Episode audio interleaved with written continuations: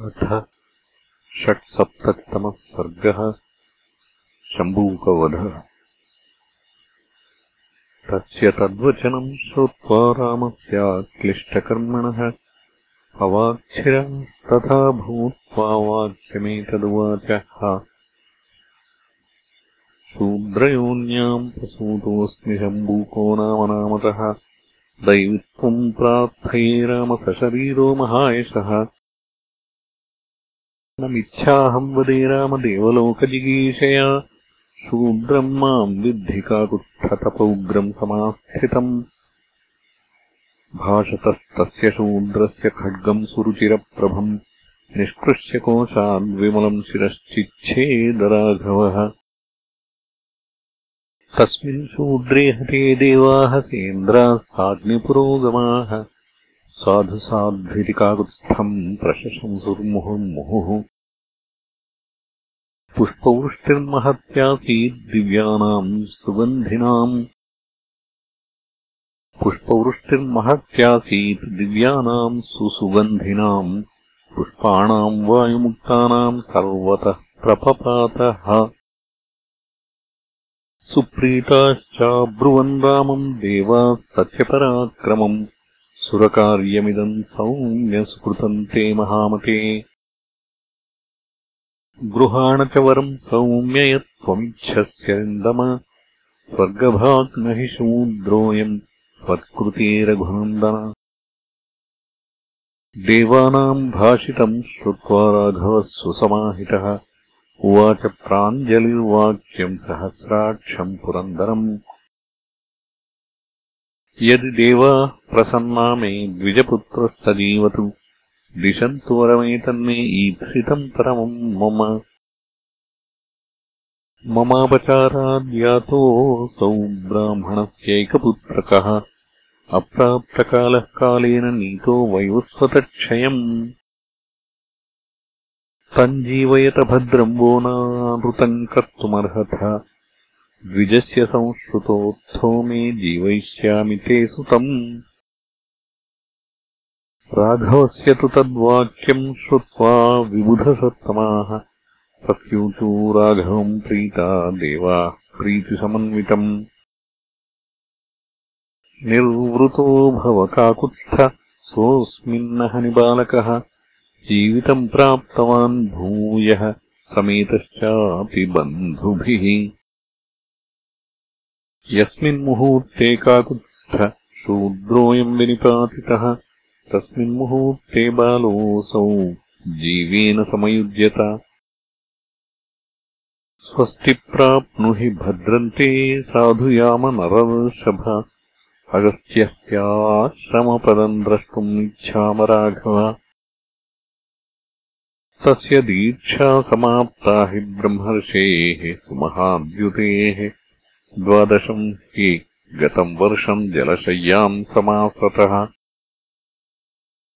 काकुत्स्थतद्गमिष्यामो मुनिम् समभिनन्दितुम्?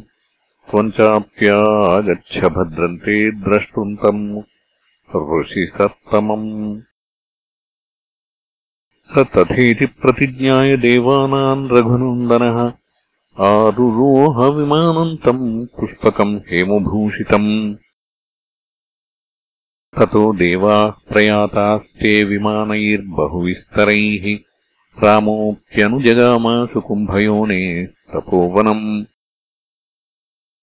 दृष्ट्वा तु देवान् सम्प्राप्तान् अगस्त्यस्तपसाम् निधिः। अर्चयामास धर्मात्मा सर्वांस्तान् अविशेषतः।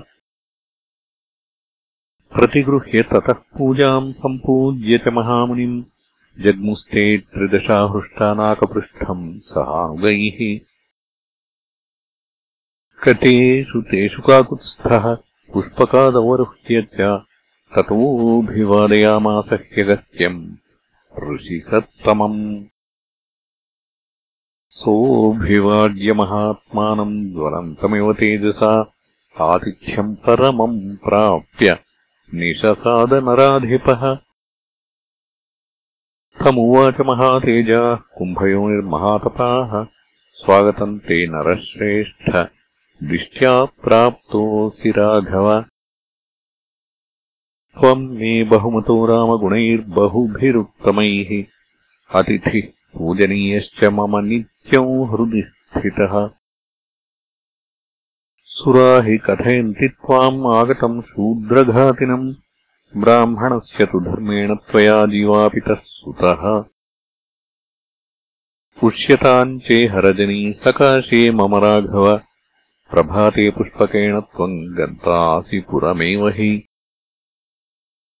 त्वम् हि नारायणः श्रीमान् त्वयि सर्वम् प्रतिष्ठितम् त्वम् प्रभुः सर्वभूतानाम् पुरुषस्त्वम् सनातनः इदम् चाभरणम् सौम्यनिर्मितम् विश्वकर्मणा। दिव्यम् दिव्येन वपुषा दीप्यमानम् स्वतेजसा। प्रतिगृह्णीष्वकाकुत्स्थ। मत्प्रियम् कुरु राघव। दत्तस्य हि पुनर्दाने सुमहत्फलमुच्यते। भरणे हि भवान् शक्तः सेन्द्राणाम् मरुतामपि। त्वम् हि शक्तस्तारयितुम् सेन्द्रानपि दिवौकसः तस्मात् प्रदास्ये विधिवत्तत्प्रतीच्छ नराधिप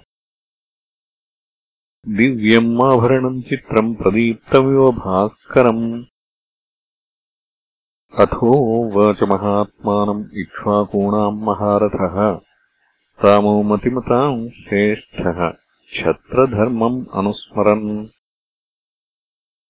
प्रतिग्रहोऽयम् भगवन्ब्राह्मणस्याविगर्हितः गृह्णीयाम् क्षत्रियोऽहम् वै कथम् ब्राह्मणपुङ्गव? ब्राह्मणेन विशेषेण दत्तम् तद्वक्तुमर्हसि। एवमुक्तस्तु रामेण प्रत्युवाच महान् ऋषिः। आसन्कृतयुगे रामब्रह्मभूते पुरायुगे अपार्थिवाः प्रजाः सर्वाः सुराणाम् तु शतक्रतुः ताः प्रजा देवदेवेशम् राजार्थम् समुपाद्रवन्। सुराणाम् स्थापितो राजा त्वया देवशतक्रतुः। प्रयच्छनो हि लोकेशपार्थिवम् नरपुङ्गवम्। तस्मै पूजाम् प्रयुञ्जानाद्धूतपापाश्चरेमहि न वसामो विना राज्ञा एष नो निश्चयः परः प्रजानाम् वचनम् श्रुत्वा निश्चयित्वार्थमुत्तमम्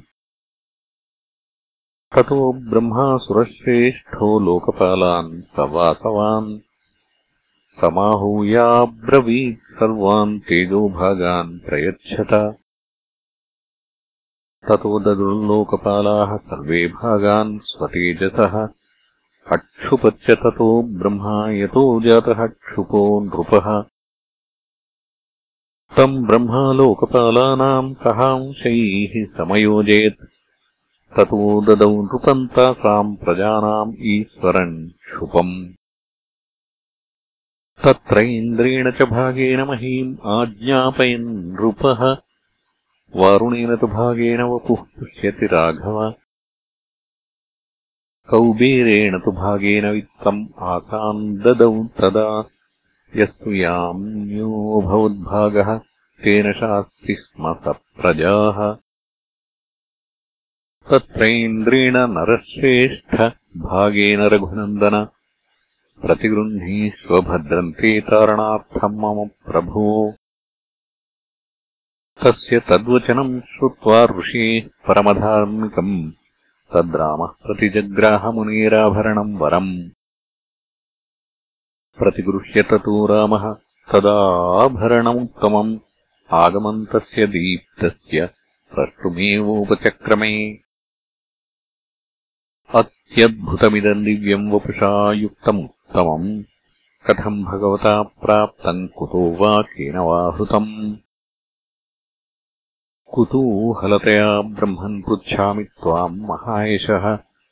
आश्चर्याणाम् बहूनाम् हि निधिः परमकौ भवान् एवम् ब्रुवति काकुत्स्थे मुनिर्वाक्यमथाब्रवीत्। शृणुराम यथा वृत्तम् पुरा त्रेतायुगे युगे रमणीयप्रदेशेऽस्मिन् वने यद्दृष्टवानहम् आश्चर्यम् मे महाबाहो दानमाश्रित्य केवलम्। इत्यार्षे श्रीमद्रामायणे वाल्मीकीये आदिकाव्ये उत्तरकाण्डे षट्सप्ततितमः सर्गः